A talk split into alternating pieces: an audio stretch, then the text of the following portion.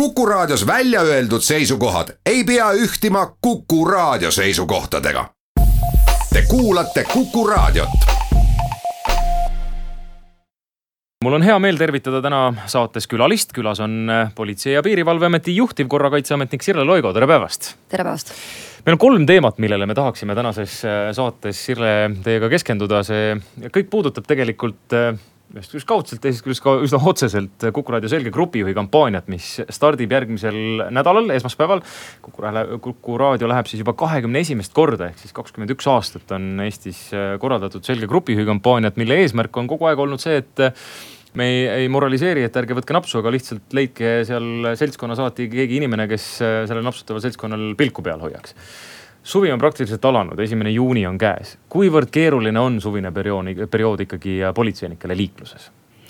No suvine periood kindlasti politseile on keeruline, tegelikult ei saa vist öelda, et politseil oleks liikluses mingi aeg mitte keeruline.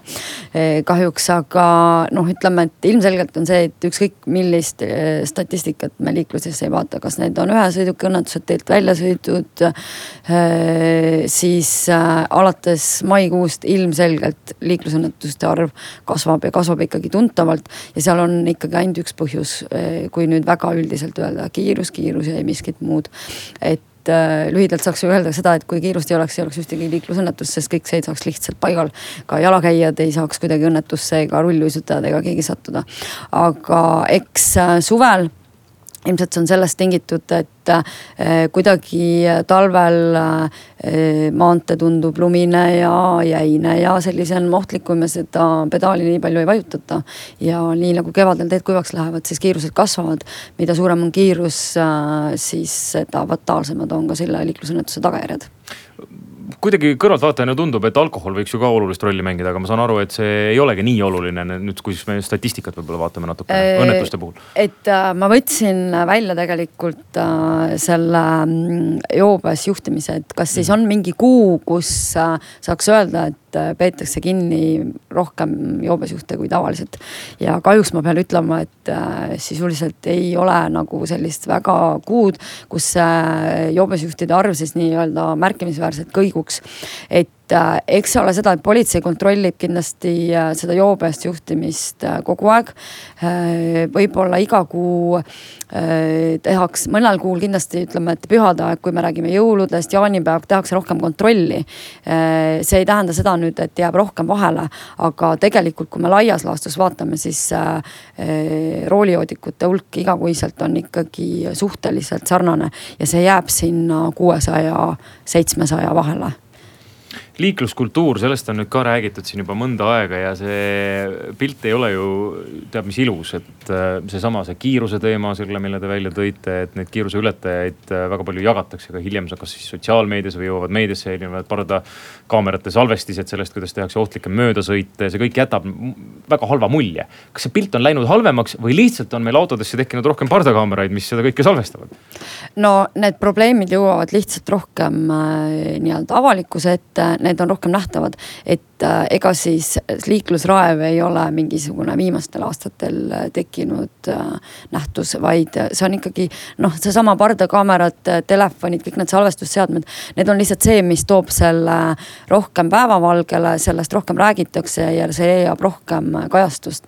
et ja kui me räägime üleüldiselt liikluskultuurist, siis tegelikult liikluskultuur on see on lihtsalt tavaline sotsiaalne nähtus, see on läbilõige meie ühiskonnast, et eh, sellised nagu me oleme kodus. et kui me kodus peksame oma lähedasi, karjume ja oleme sellised närvilised, siis kuidas me saaksime tahta, et need liikluses me siis käituksime kuidagi teistmoodi ja meil oleks seal liikluses siis kõik sellised rõõmsad, sõbralikud ja kukupaid no mis mulle isiklikult liikluses eh, silma jääb, on ikkagi eh, väga konkreetselt selline no ma ei tea, kas inimestel puudub ohutunne või mis see on või on see hoolimatus. Äh, möödasõidud, äh, mida tehakse viimasel hetkel vaatamata, kas üldse keegi vastu tuleb või ei tule, siis tehakse sellised äkkpidurdused, on sunnitud teised liiklejad pidurduma jääb väga halb mulje, ma ei tea, kas, kas see tundub mulle, et seda on nagu rohkem või, või kui palju politsei selliste asjadega kokku puutub? no politsei näeb kindlasti seda iga päev, et äh, see, see on, see on tegelikult selline see liikluse närvilisus ja eks see kõik tegelikult tuleb ka nendest, äh, sellest ühiskonna probleemidest, et meie elutempo on läinud väga kiireks, väga närviliseks ja see kõik kajastub ka tegelikult liikluses, et äh, kui me võtame ka selle liiklusõnnetuste kasvu, siis tegelikult meie liiklusintensiivsus, kõik see elutempo, närvilisus, see kõik on viidud nagu nii viimase piiri peale, et seal liikluses eksimiseks ei jää nagu kellelgi ruumi. et äh, liiklusohutus hakkab ikkagi sellest, et äh, me oskame liikluses näha ohtu ette, me oskame seda ennetada ja meil on aega nii-öelda siis, kui see keegi teine eksib, see ei pea mina olema, kes eksib, keegi teine eksib, siis meil on aega sellele reageerida. aga kuna see liiklus ongi nii närviline, nii intensiivne, siis äh, seda eksimiseks aega ja maad ei ole no aasta algus äh, tundus, oli äärmiselt traagiline liikluses, ma ei tea, mida statistika konkreetselt näitab, et kui palju meil ikkagi hukkunuga liiklusõnnetusi sel aastal juba olnud on, kas see arv on tõesti kasvanud või, või on tegelikult ikkagi see pilt stabiilne? no see aasta on kuidagi mm, liikluses pilt natukene. mustem ei, rõõmsam, rõõmsam., ikka parem on. et äh, meil on seitse hukkunut vähem praeguseks hetkeks, kui seda oli eelmisel aastal esimese juuni seisuga. ja üheksateist inimest on sellel aastal liikluses hukkunud, et äh, märts oli selline väga must ja hirmus kuu, et Ida-Virumaal juhtus väga palju hirmsaid ja, ja kahe sõidukiga ja selliseid traagilisi liiklusõnnetusi, aga mai tõi kuidagi sellise eh, rahunemise ja aprill ka, et, et et sealt on nagu seis parem olnud, et me oleme ise omakeskis mõelnud, et võib-olla natukene see, see külm kevad, sellised heitlikud ilmastikutingimused, võib-olla need panid inimesi liikluses natukene hoolikamalt ja, ja hoolsamalt liiklema. ja see on ju igal jaanipäeva paiku politsei alati ohkab kergendatult, kui väljas on kehv ilm, sest järelikult on oluliselt vähem liiklejaid jah, eks see ole nii, et äh, siis, kui on äh, jaanipäeval vihma sajab, siis, siis politseile tähendab see vähem tööd e, kui me rääkisime siin sellest, et on kiiruseületajad suvisel perioodil, e, siis kas kuidagi suvel ikkagi paistab välja, et on ka liiklusõnnetusi rohkem või tegelikult ei ole? On, on, suvel on liiklusõnnetusi rohkem, et suvel kasvavad just ainukene, ainukene nii-öelda liiklusõnnetuse liik, mis suvel ei kasva, on jalakäijad, sest see on see pime, vihmane sügis on see, kus jalakäijaid saab, aga kõik muud ühesõidukiõnnetused, teed väljasõidud, muidugi kaherattalised jalakäijad, mootorrattad, kõik kõik see ikkagi kasvab ja kasvab märkimisväärselt. et kui me võtame jalgrattaõnnetusi, et kui keskmiselt juhtub aprillis näiteks kaheksakümmend, siis mais on see number juba sada viiskümmend, et tegelikult see on ikkagi märkimisväärne kasv ja, ja neid kergliiklejatel, sisuliselt praegusel hetkel iga päev saab liikluses viga ikkagi mitu jalgratturit, üks mootorrattur, et et need õnnetused on praegust küll jah, need, mis alati suvisel ajal kasvavad. Kui suur osa on ikkagi liiklusohutuskampaaniatel, kas neil on mingisugust kasu? no mina küll optimistlikult usun, et, et sellel, sellel on kasu ja, ja, ja kui me räägime nüüd sellest samast selge mm. grupijuhi kampaaniast, siis see on väga, see on väga-väga-väga-väga-väga tänuväärne asi, mida tehakse. et äh, see on tegelikult väga suur asi, kui, äh, kui äh, seda teeb kas keegi kodanikualgatusena või siis nii nagu teeb seda Kuku raadio. et see tundub väga väike asi, et ma tegelikult luban mingi lubaduse, panen autole peale mingi kleepsu on ju, et tegelikult see ei tähenda seda, et ma ei võiks purjus peaga sõita. aga mina oma kahekümne aastase politseikarjääri jooksul ei ole kordagi ja ma ei tea ühtegi inimest, kes oleks selge grupijuhi lubaduse andnud ja oleks selle vastu eksinud et aga on seda ette tulnud, et politsei on tõepoolest peatanud mõne auto, kus on siis olemas selge grupijuht sees, kes on, kes on, on tuvastatud. ja jaanipäeva aeg on selles mõttes ka olen ise sellise auto mm. kinni pidanud ja, ja on seal olnud tõesti see selge grupijuht, kes on sellest lubadusest kinni pidanud. see on nüüd, eks ole, Kuku raadio kampaania, aga Maanteeamet teeb ju ka väga sageli väga palju erinevaid liiklusohutuskampaaniaid on see mõõdetav, on sellel ikkagi mingisugust mõju, on sellel ikkagi mingit tolku?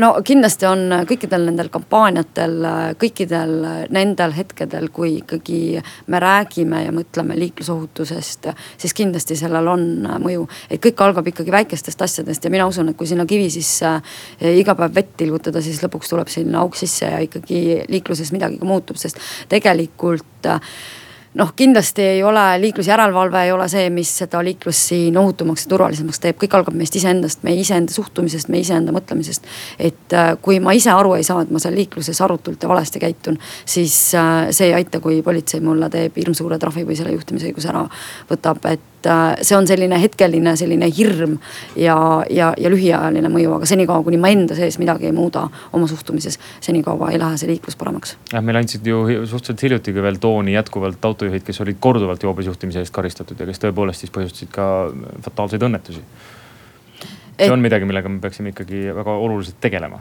no kindlasti äh, alkoholism kui selline on, ei ole mõtet seda salata, et see on meie ühiskonnas probleem ja see, nii nagu kõik teised probleemid, see kajastub ka liikluses.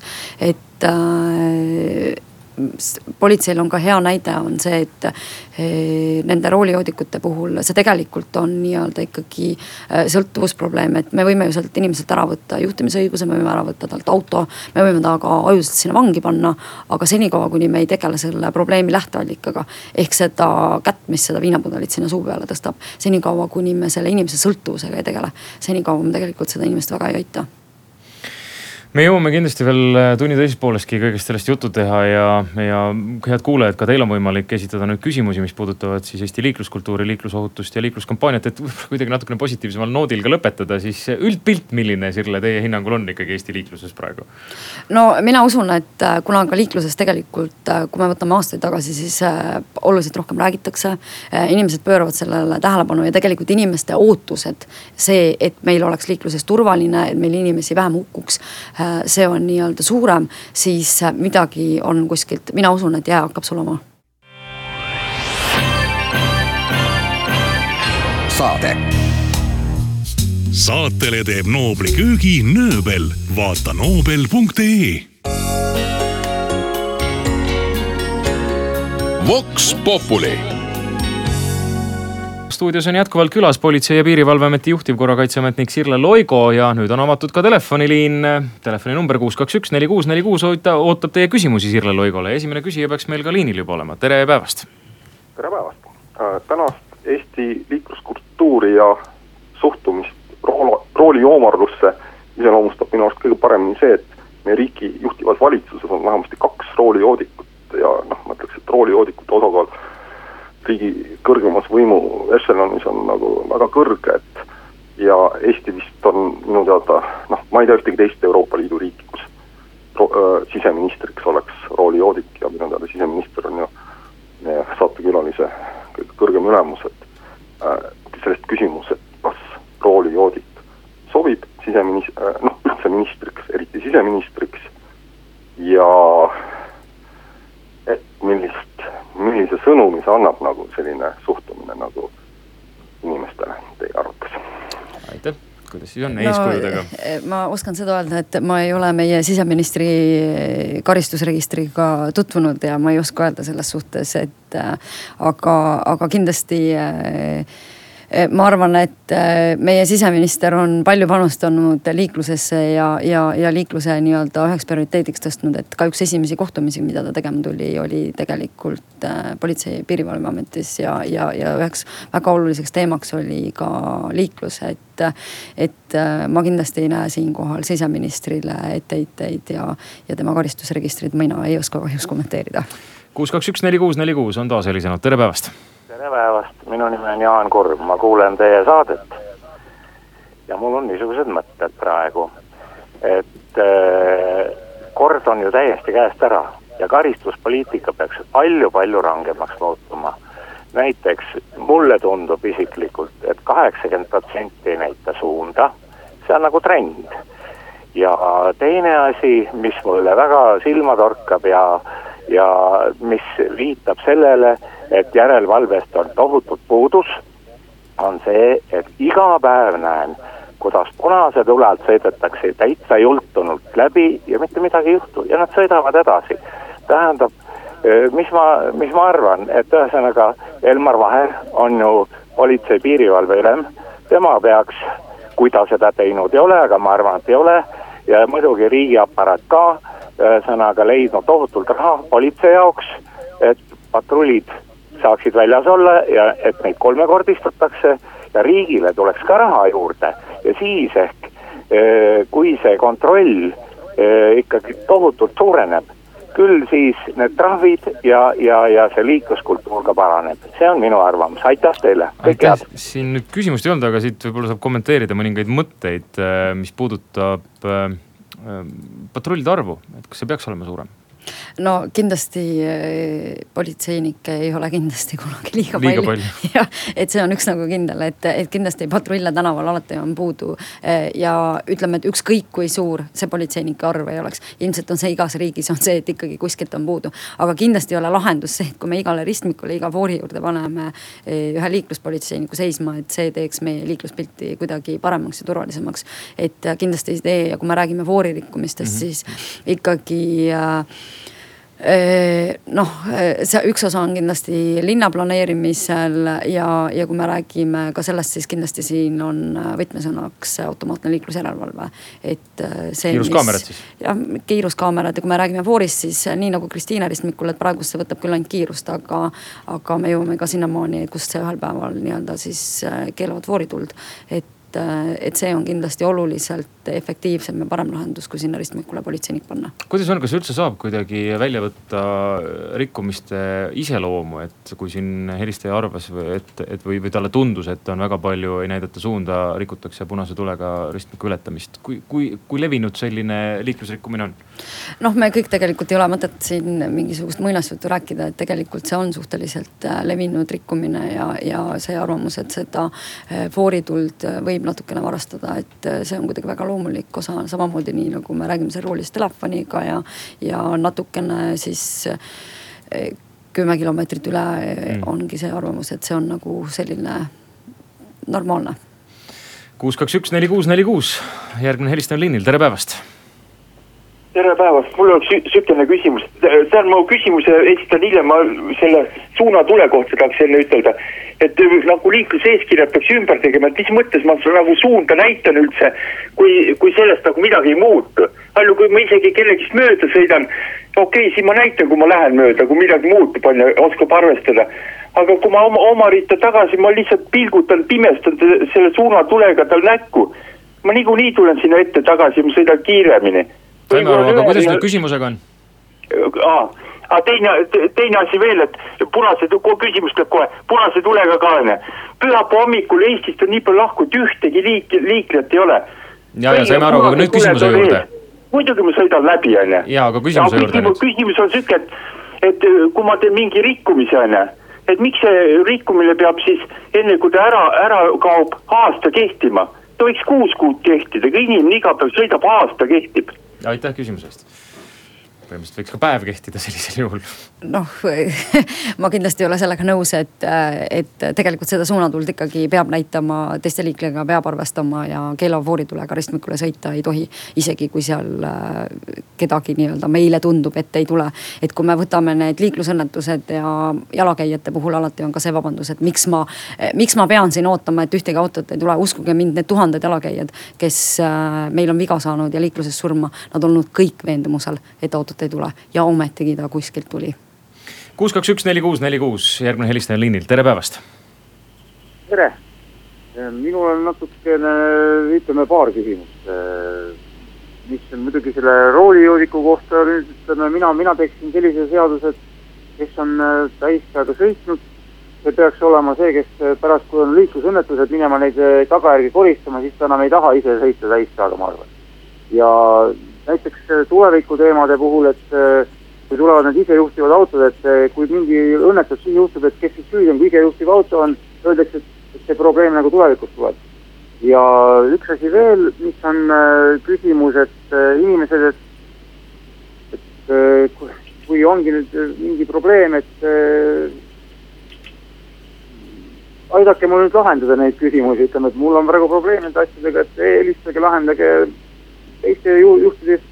aga ma ütlen, et küsimus on veel ka see, et, et, et no ühesõnaga küsimusi oli piisavalt. selge, saime aru, siin küsimusi iseenesest küll nagu ei olnud, aga, aga võib-olla saame kommenteerida. ühiskondlik kasulik töö põhimõtteliselt on see, mida, millele kuulaja viitas, mis puudutab siis võib-olla karistuse poole pealt, et kui on tõepoolest juht äh, põhjustanud avarii, et, et siis nagu tema väljendas, et peaks minema tagajärgi koristama, et siis paneks mõtlema noh, ma arvan, et et, et üldiselt tegelikult ka psühholoogid väidavad seda, et äh, liikluses ka samamoodi nagu kampaaniates, et selline šokiteraapia ei toimi.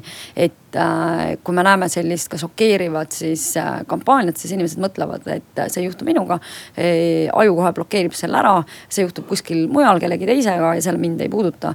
ja inimene sellele nii-öelda tähelepanu siis ei pööra, et mujal maailmas on rohkem mindud selliste Äh, õigem ei ole mitte nagu šokeerivaid, aga selliste sarkastiliste ja selliste pilku püüdvate kampaaniate peale. Äh, jätkuvalt on stuudios külas Sirle Loigo, politseikapten, kes ootab teie küsimusi, kuus, kaks, üks, neli, kuus, neli, kuus on telefoninumber ja järgmine küsija peaks olema ka liinil, tere päevast. tere päevast, ma tahan selle Tooni daami käest küsida, et kuidas selle nende trasside peal nende patrullidega on, mina olen nüüd ütleme, äh, nüüd saan nelikümmend kaks aastat kohe autojuht oldud. oi, ma pole näinud neid, linna vahel ei ole näinud, ei ole trassi peal näinud, puhunud ei ole juba uh,, uh, uh, ei mäletagi enam aegadest ammust. ja ma vaatan, kuidas linna vahel siin, mina olen Pärnu elanik no kus on viiekümne märk näiteks, mina ütlen seal Papiniidu silla peal on viiekümne märk ja mina sõidan oma veoautoga viiekümnega seal. must pantakse postist mööda vuh-vuh-vuh-vuh-vuh. nii et kus on patrullid, kus saaks raha alles riigikassasse, kus on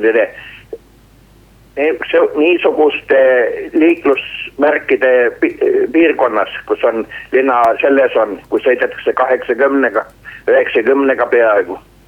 ühtegi patrulli ei ole. aitäh helistamast. sõidan seal kogu aeg, ühtegi patrulli, ei mõõdeta mitte midagi tehta. aitäh helistamast, äh, Sirle soovid sa kuidagi eh, kommenteerida? no kõigepealt ma peaksin seda tublit äh, helistajat kiitma, et kui ta neljakümne aasta jooksul ei ole ühtegi äh, korda liikluspolitseiga kokku puutunud, siis tegemist on ilmselgelt äh, kuuleka liiklejaga.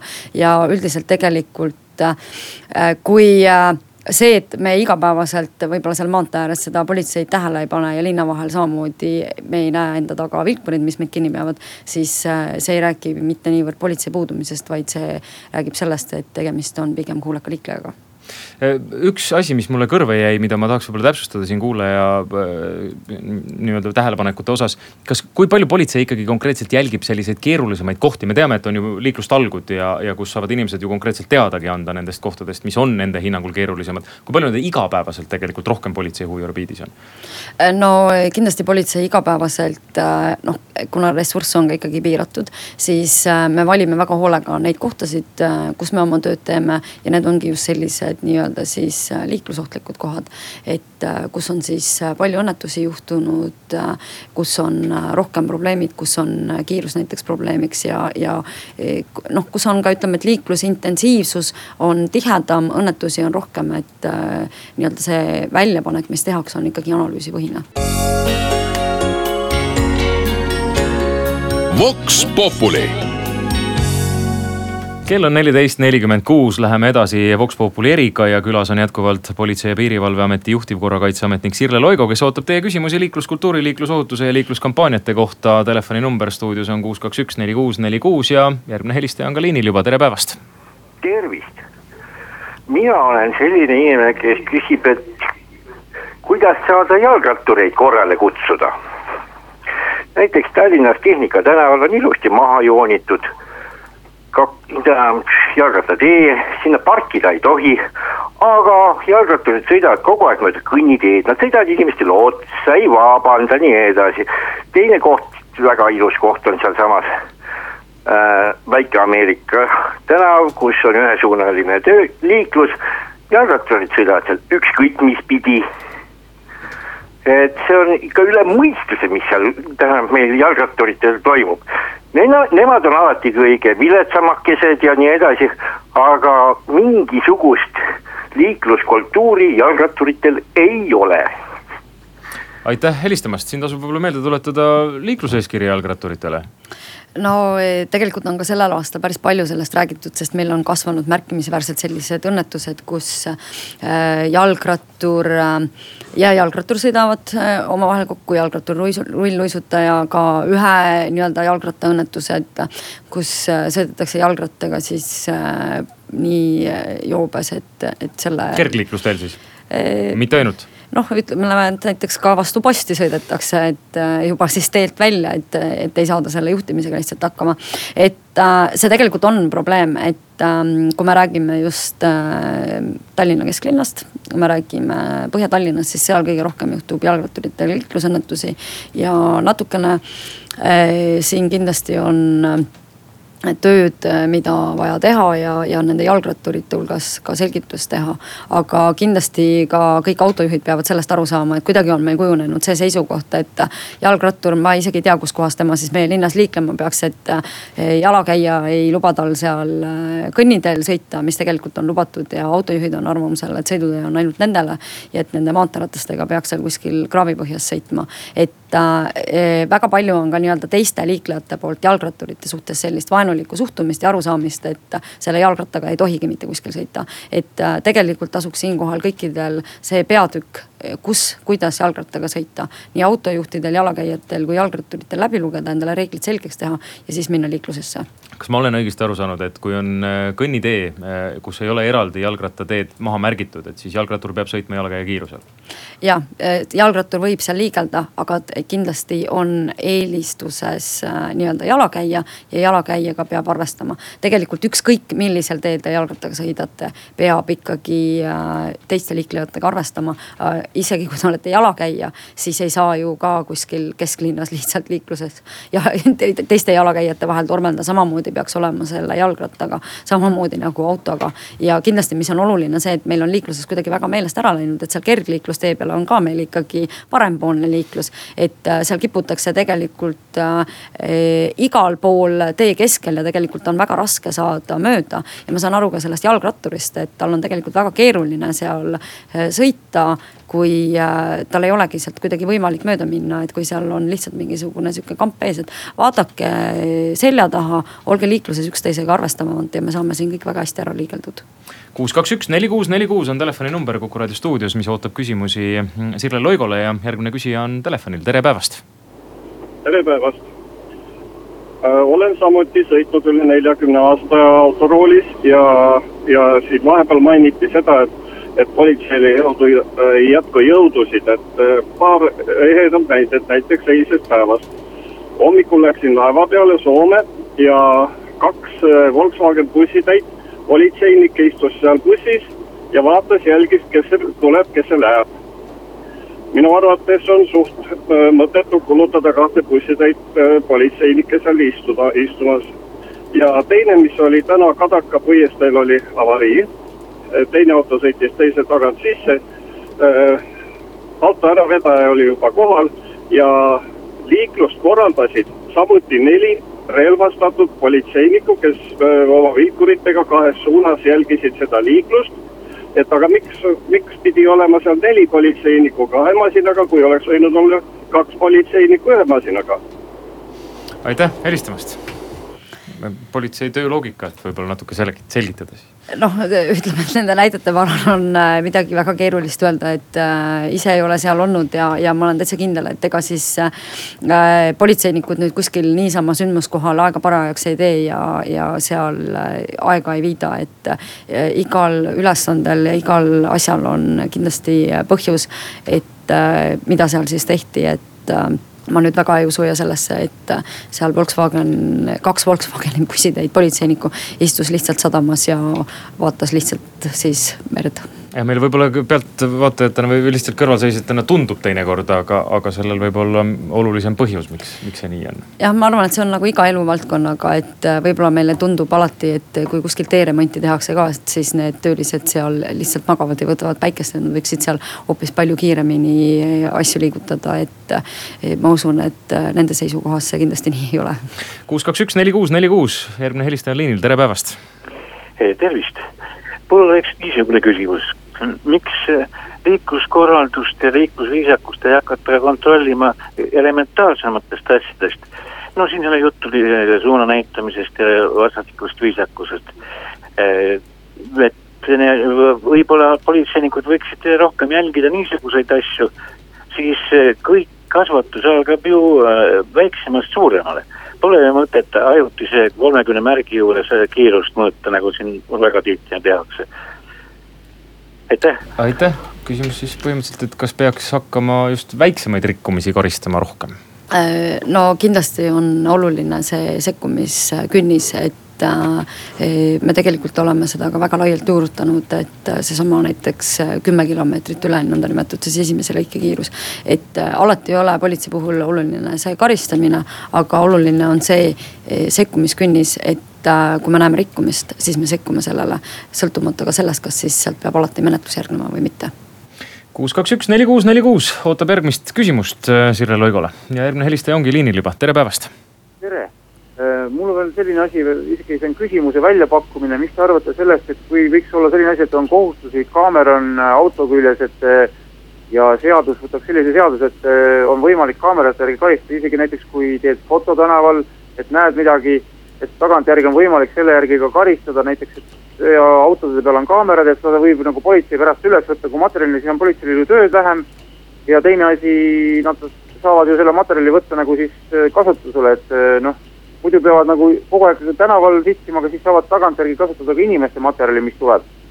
et selline seadus võiks ju vastu võetud, mis te arvate? Aitäh helistamast, küsimus on lihtsalt selles, kas pardakaamerad, mis praegu salvestavad, kas politsei saab kasutada seda infot, mis seal, mis seal salvestatud mm,? kindlasti nii väärtegude, liiklusõnnetuste kui äh, menetlemisel neid kasutatakse tõendusmaterjalina et need on, et seda on võimalik kasutada, et ja, selleks ei pea olema mingisugust eraldi seadust või, või seadus juba praegu võimaldab? see seadus juba võimaldab, et selles mõttes, et seda on võimalik kasutada tõendusmaterjalina ja liiklusõnnetuste puhul on see tegelikult väga sagedane. ja mina ka soovitan inimestele, et pange endale peale, kasutage ja kui teiega midagi liikluses juhtub, siis on seda hea nii-öelda tagantjärgi tõendina kasutada. kuus, kaks, üks, neli, kuus, neli, kuus on taas helisenud, tere päevast. tervist, võib-olla mul on natuke võib-olla sihuke labane küsimus, aga mina olen näinud äh, Äh, ütleme siis viimase kolme kuu jooksul Tallinna lähistel õhtul pimedas ühe metsatuka ääres äh, seismas politseiautot ilma ühegi parkimistulega valgustuseta. Äh, mul on kaks küsimust tekkis, kuna ma olen teda märganud, et esiteks, kas politsei võib järelevalvet teostada, ilma et tal ükski tuli põleb, et nagu pimedas mõttekiirust või üldse järelevalvet teostada. ja teine küsimus on see, et kas mina tohin, kui tema pimedas seal niimoodi on, kas mina tohin seisma jääda ja sellest politseinikust ja politseiautost pilti teha, et veendumaks äh,, kas nad teevad tööd või magavad. aitäh küsimuste eest lühidalt vastan, et mõlemale küsimusele vastus on jah, et äh, politseil on äh, liiklusseaduses on kirja pandud see, et liiklusjärelevalvet võib teostada nii äh, varjatult kui siis avalikult ja võib ka neid kahte asja kombineerida. ja selles mõttes, et kui te tahate politseipatrulli juurde minna, siis see ei ole mitte kunagi keelatud. meie aeg on läbi saanud, Sirle Loigo, suur aitäh täna stuudiosse tulemast ja edu politseile